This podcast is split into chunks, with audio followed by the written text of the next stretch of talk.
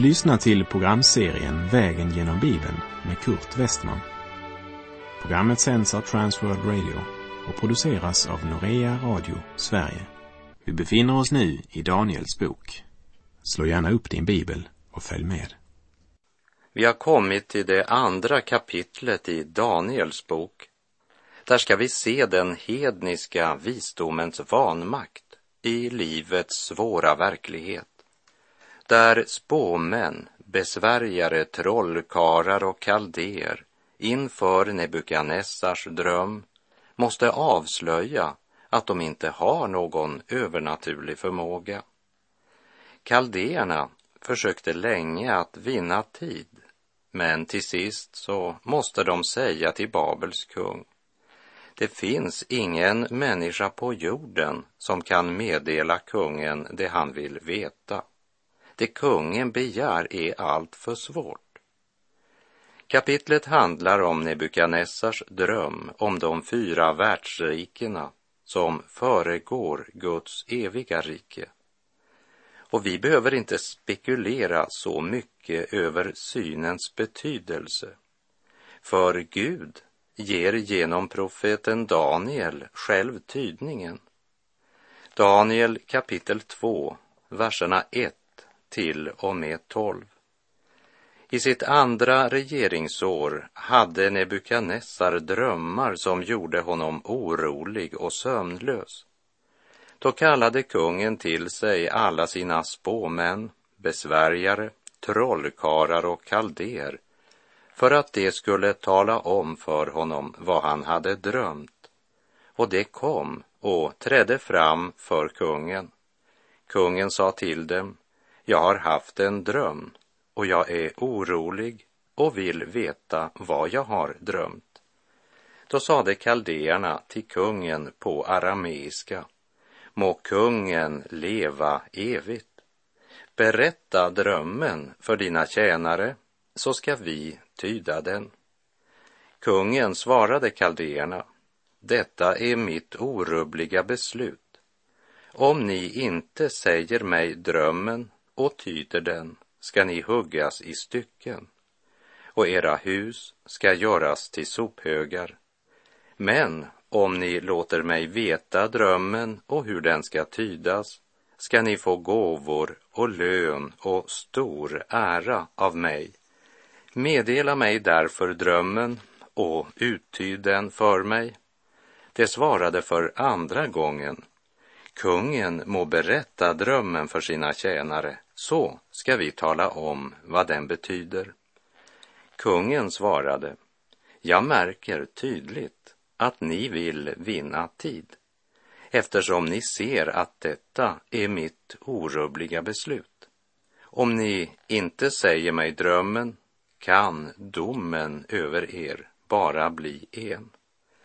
Ni har kommit överens om att ljuga och bedra i hopp om att tiderna ska förändras.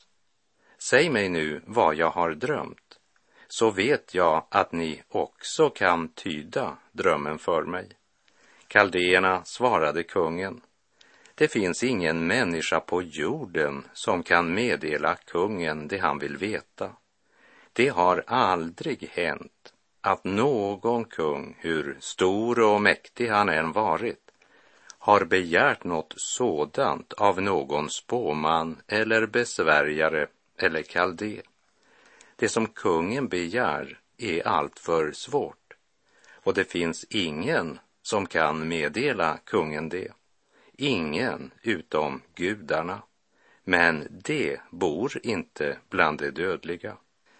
Detta gjorde kungen så vred och förbittrad att han befallde att man skulle förgöra alla de vise i Babel. Redan efter två år på tronen börjar regentens sömnproblem.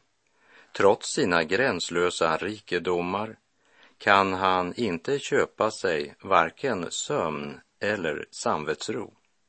Han var den då kända världens mest fruktade man. Den mäktige som hade så imponerande fester och omgav sig med en sådan glans. Men bakom den storslagna fasaden anar den här regenten att det finns någon som står också över kungen i Babel.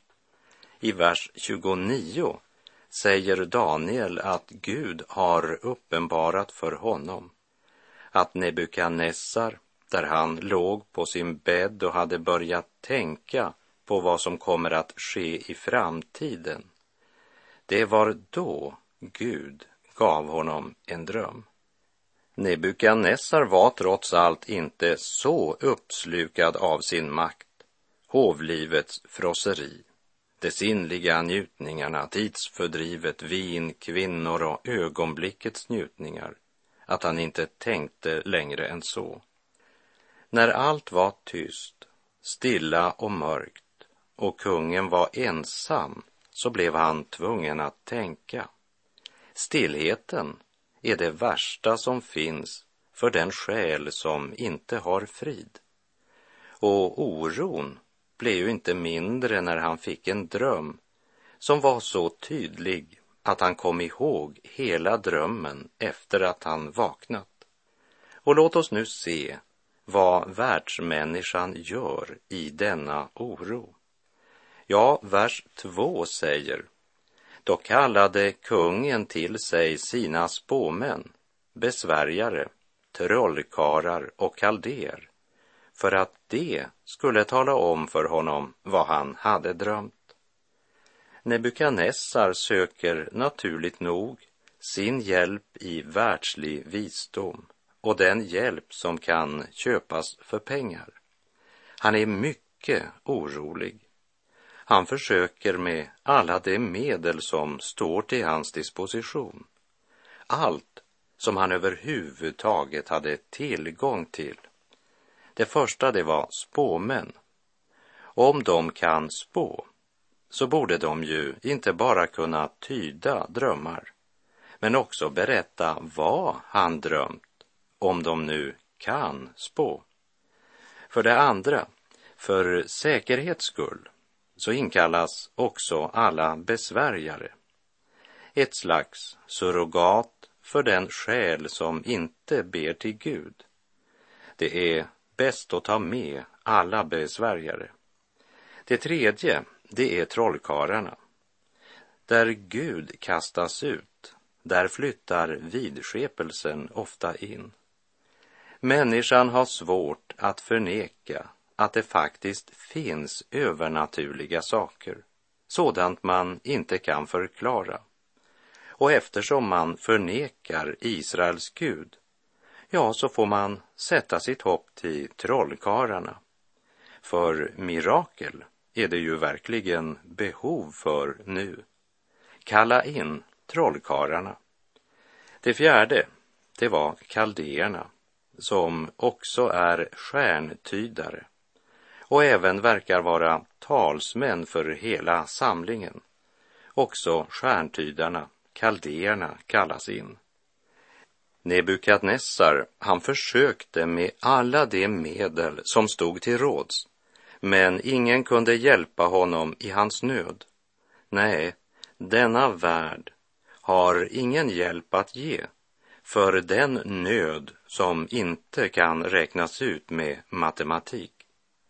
Men det är intressant att denna Nebukadnessars livskris, den går så pass djupt att han anar att ingen av Babels vismän egentligen har något svar. Han vill inte bli lurad. Han vill inte ha falsk tröst. Det förstår vi av texten. Det är som han säger, kära spåmän, besvärjare, trollkarlar och kaldéer. Ni påstår er ha övernaturliga förmågor och ha kontakt med gudarna. Nu ska ni få bevisa att det är sant. Jag kommer inte att berätta vad jag har drömt, för om jag gör det så kan ni ju bara hitta på en tydning. Men om jag ber er att berätta vad jag har drömt utan att jag säger det, då vet jag att ni har övernaturliga förmågor. Nu börjar Babels andliga rådgivare att bli nervösa.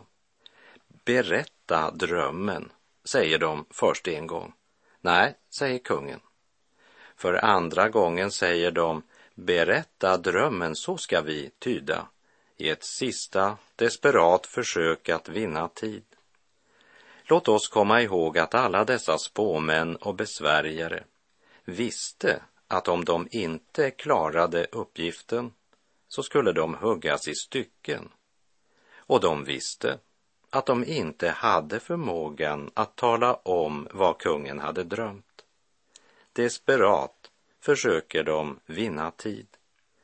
Nebukadnessar går rakt på sak och säger, jag märker tydligt att ni vill vinna tid. Det verkar som om glansperioden snart är slut för Babels andliga vägledare.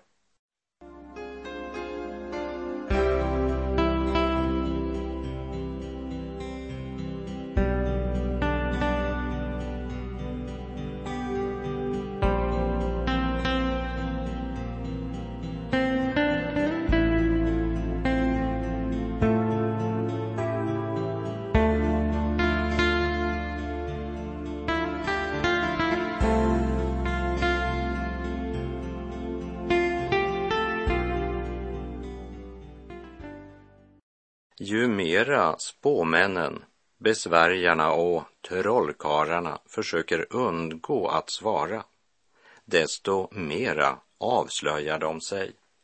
Nebukadnessar har nog länge anat att de var bluffmakare. Men likt andra hedniska nationer måste han ju som kung omge sig med spåmän, besvärjare och trollkarlar. Och han hade ju egentligen varit ganska likgiltig om de ljög, så länge de visade kungen ära och tröstade folket. Men nu hade det kommit till en punkt i Nebukadnessars liv då det var en enda sak som är viktig för honom, nämligen att få veta sanningen. Kan du inte se för dig hur han liksom spänner blicken i dessa spåmän och besvärjare när han säger Jag märker tydligt att ni vill vinna tid. Och så säger han från mitten av vers 11 Ni har kommit överens om att ljuga och bedra i hopp om att tiderna ska förändras. Det vill säga, ni har serverat falsk tröst och smicker länge nog. Jag är inte intresserad i falsk tröst. Jag vill veta hur det verkligen står till. Men är sanningen den att ni inte vet mer än jag? Är ni bara en bluff? Säg mig vad jag har drömt, eller du. Ja, de eh, kan ju inte för tredje gången säga att kungen ska berätta drömmen. Loppet är kört. Vad ska vi säga? Ja, lyssna till vad de nu säger. För nu kommer de lite grann närmare sanningen när de faktiskt erkänner att de gudar som de åberopar är sådana gudar som man faktiskt inte kan ha någon kontakt med, fast de eljest hela tiden påstått just det. Vi läser i Daniel kapitel 2, vers 10 och 11. Kaldéerna svarade kungen, det finns ingen människa på jorden som kan meddela kungen det han vill veta. Det har aldrig hänt att någon kung hur stor och mäktig han än varit, har begärt något sådant av någon spåman eller besvärjare eller kaldé. Det som kungen begär är allt för svårt och det finns ingen som kan meddela kungen det. Ingen utom gudarna. Men det bor inte bland de dödliga. Det vill säga det är bara gudarna som har svaret och de har inte kontakt med någon människa. Här får vi titta in bakom fasaden till världen och dess väsen, där framgång, ära och berömmelse i ett ögonblick förvandlas till ångest, förtvivlan och hjälplöshet. Hur grundligt man än är utbildad i magi och hemliga konster så har nu sanningens ögonblick kommit då lögnen är hjälplös. De kan varken hjälpa sig själva eller andra. Deras budskap är en blandning av sanning och lögn. De hade rätt i att det inte är någon människa som kan klara av det som Nebukadnessar begärt av dem. Och någon gud som hade verklig kontakt med någon människa, det finns ju inte. Lögnen är inte medveten. De känner inte till någon sådan Gud. Men lögnen, den består ju i att de hade gett sig ut för att ha övernaturliga förmågor, vilket de nu alltså erkänner att de inte har. Här går mina tankar till sången. O människa, var har du din tillflykt och vad vill du göra idag? Du lever för rikdom och ära, är offer för världens bedrag. Men tänk på din själ som så fattig ska vandra den eviga stig. När stoftet försvinner i graven är glädjen i världen förbi. Vad gagnar din jordiska rikdom och skatt när själen går in i den eviga natt? Det kommer ett uppgörets ögonblick då alla ursäkter brinner som torr halm, då alla murar du gömmer dig bakom rasar ner och läggs i grus, då lögnen avslöjas, sanningen kommer fram. Nu hade den stunden kommit för Babels alla vise män. Det som kungen begär är alltför svårt, försökte de. Men det svaret var inte gott nog. Därför läser vi i vers 12. Detta gjorde kungen så vred och förbittrad att han befallde att man skulle förgöra alla de vise i Babel.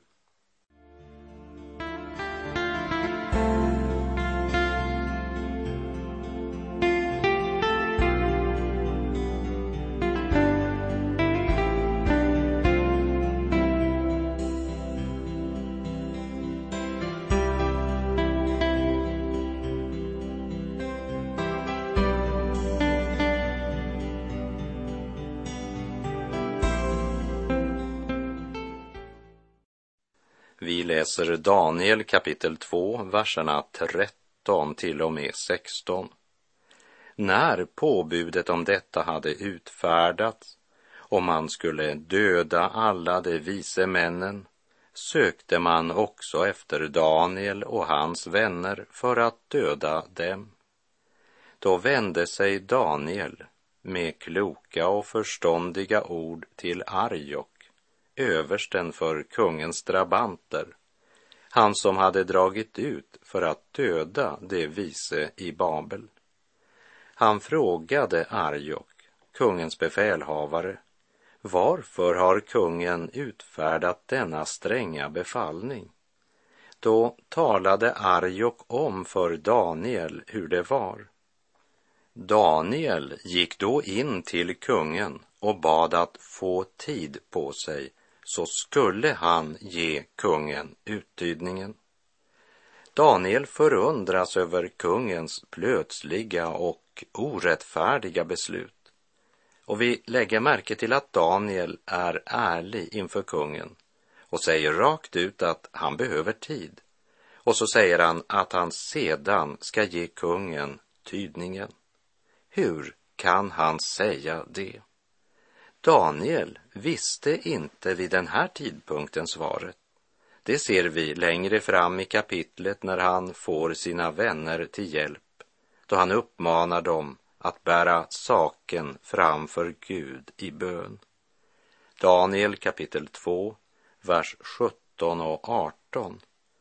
Sedan gick Daniel hem och talade om för sina vänner Hananja, Misael och Asarja vad som höll på att hända.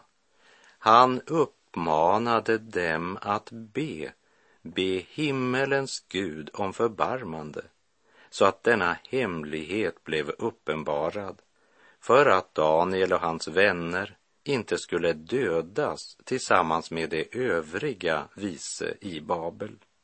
Uttrycket himmelens Gud återfinner vi endast i fångenskapsböckerna som Esra, Nehemja och Daniel. Därför att efter Herrens härlighet lämnade templet tilltalas han som himmelens Gud.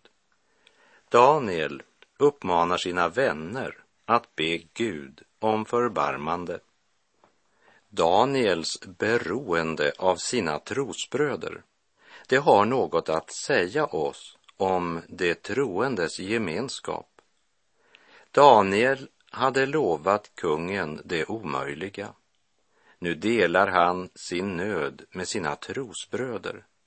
Och han vet att det enda som nu kan hjälpa, det är att Gud i sin nåd uppenbarar för Daniel vad kungen har drömt samt drömmens tydning. Vi läser här om ett helt speciellt bönemöte mitt i det hedniska Babel, omgiven av omoral, ogudaktighet, demoniska krafter representerade av spåmän, besvärjare och trollkarlar, så bildar dessa fyra personer en liten missionsstation. Tänk vilken makt Babels kung hade vid denna tid. Och hela Guds armé består av fyra unga män som Gud strategiskt placerat mitt i fiendens läger. De utgör verkligen en minoritet. Men det är unga män vars liv präglas av Guds fruktan, mod och ödmjukhet. De sataniska makterna i Babel ska få erfara vad Gud kan göra genom fyra unga män vars Guds liv verkligen är kompromisslöst. När de sa nej till den första frestelsen vanns den första segern. Och när situationen nu tillspetsar sig vänder de sig till Gud i bön och därmed står striden under Herrens ledning. Bönemötet vi läser om i Daniels bok kapitel 2, vers 18 det blir inte bara till räddning för de fyra som ber, men också för de övriga vise i Babel. Och det blev till ära för Gud. Tänk vad några unga, kompromisslösa Guds barn kan få uträtta mitt i Babel. Därför att Gud är deras livs centrum. Gud och Gud alena. Fyra unga män bad till Gud. Och resultatet av detta bönemöte, det läser vi i verserna 19 och 20. Då uppenbarades hemligheten för Daniel i ett syn om natten. Och Daniel prisade himmelens Gud och sade, lovat vare Guds namn från evighet till evighet ty vishet och makt är hos honom. Jag tror att Gud uppenbarade detta för Daniel genom att låta honom drömma samma dröm som Nebukadnessar. Men den stora och avgörande skillnaden var att Daniel dessutom av Gud fick uppenbarat drömmens betydelse. Och då bryter Daniel ut i lovsång och tillbedjan när han av hjärtat prisar Gud för hans vishet och makt och för att han kan uppenbara det som är förborgat. Medan hedningarna varit tvungna att erkänna att deras gudar inte bor bland människor, så har himmelens och jordens Herre uppenbarat att han är nära och att han talar till sina barn. Ingen kan förstå Guds ords hemligheter utan att Guds helige ande uppenbarar dem för våra hjärtan. Frälsningen är Guds verk. Paulus skriver i Andra Timoteusbrevet 3, vers 16 och 17. Hela skriften är utandad av Gud och nyttig till undervisning, till bestraffning, till upprättelse och till fostran i rättfärdighet för att Guds människan ska bli fullt färdig, väl rustad för varje god gärning. Den uppgift om vilken de vise i Babel måste säga det kungen begär är allt för svårt. Den omöjliga saken, den bar Daniel och hans vänner fram inför Gud. Här går mina tankar till Jesu ord i Markus 10.27 där det står Jesus såg på dem och sade för människor är det omöjligt, men inte för Gud. Ty för Gud är allting möjligt. Och när Gud griper in och gör det omöjliga bryter lovprisningen ut. Daniel 2, verserna 21 till och med 23. Han låter tider och stunder skifta. Han avsätter kungar och tillsätter kungar. Han ger det visa deras vishet och det förståndiga deras förstånd. Han uppenbarar det som är djupt och fördolt. Han vet vad som finns i mörkret och hos honom bor ljuset. Dig, mina fäders Gud, tackar och prisar jag för att du har gett mig vishet och förmåga och för att du har uppenbarat för mig det vi bad dig om. Ty vad kungen ville veta har du uppenbarat för oss. Det är ingen hemlighet att Gud har bön. Din synd förlåter han, ger vila skön. Det är ingen hemlighet att Gud hör bön. Och med det så är vår tid ute för den här gången. Sök Herren medan han låter sig finnas. Åkalla honom medan han är nära. Herren vare med dig. Må hans välsignelse vila över dig. Gud är god.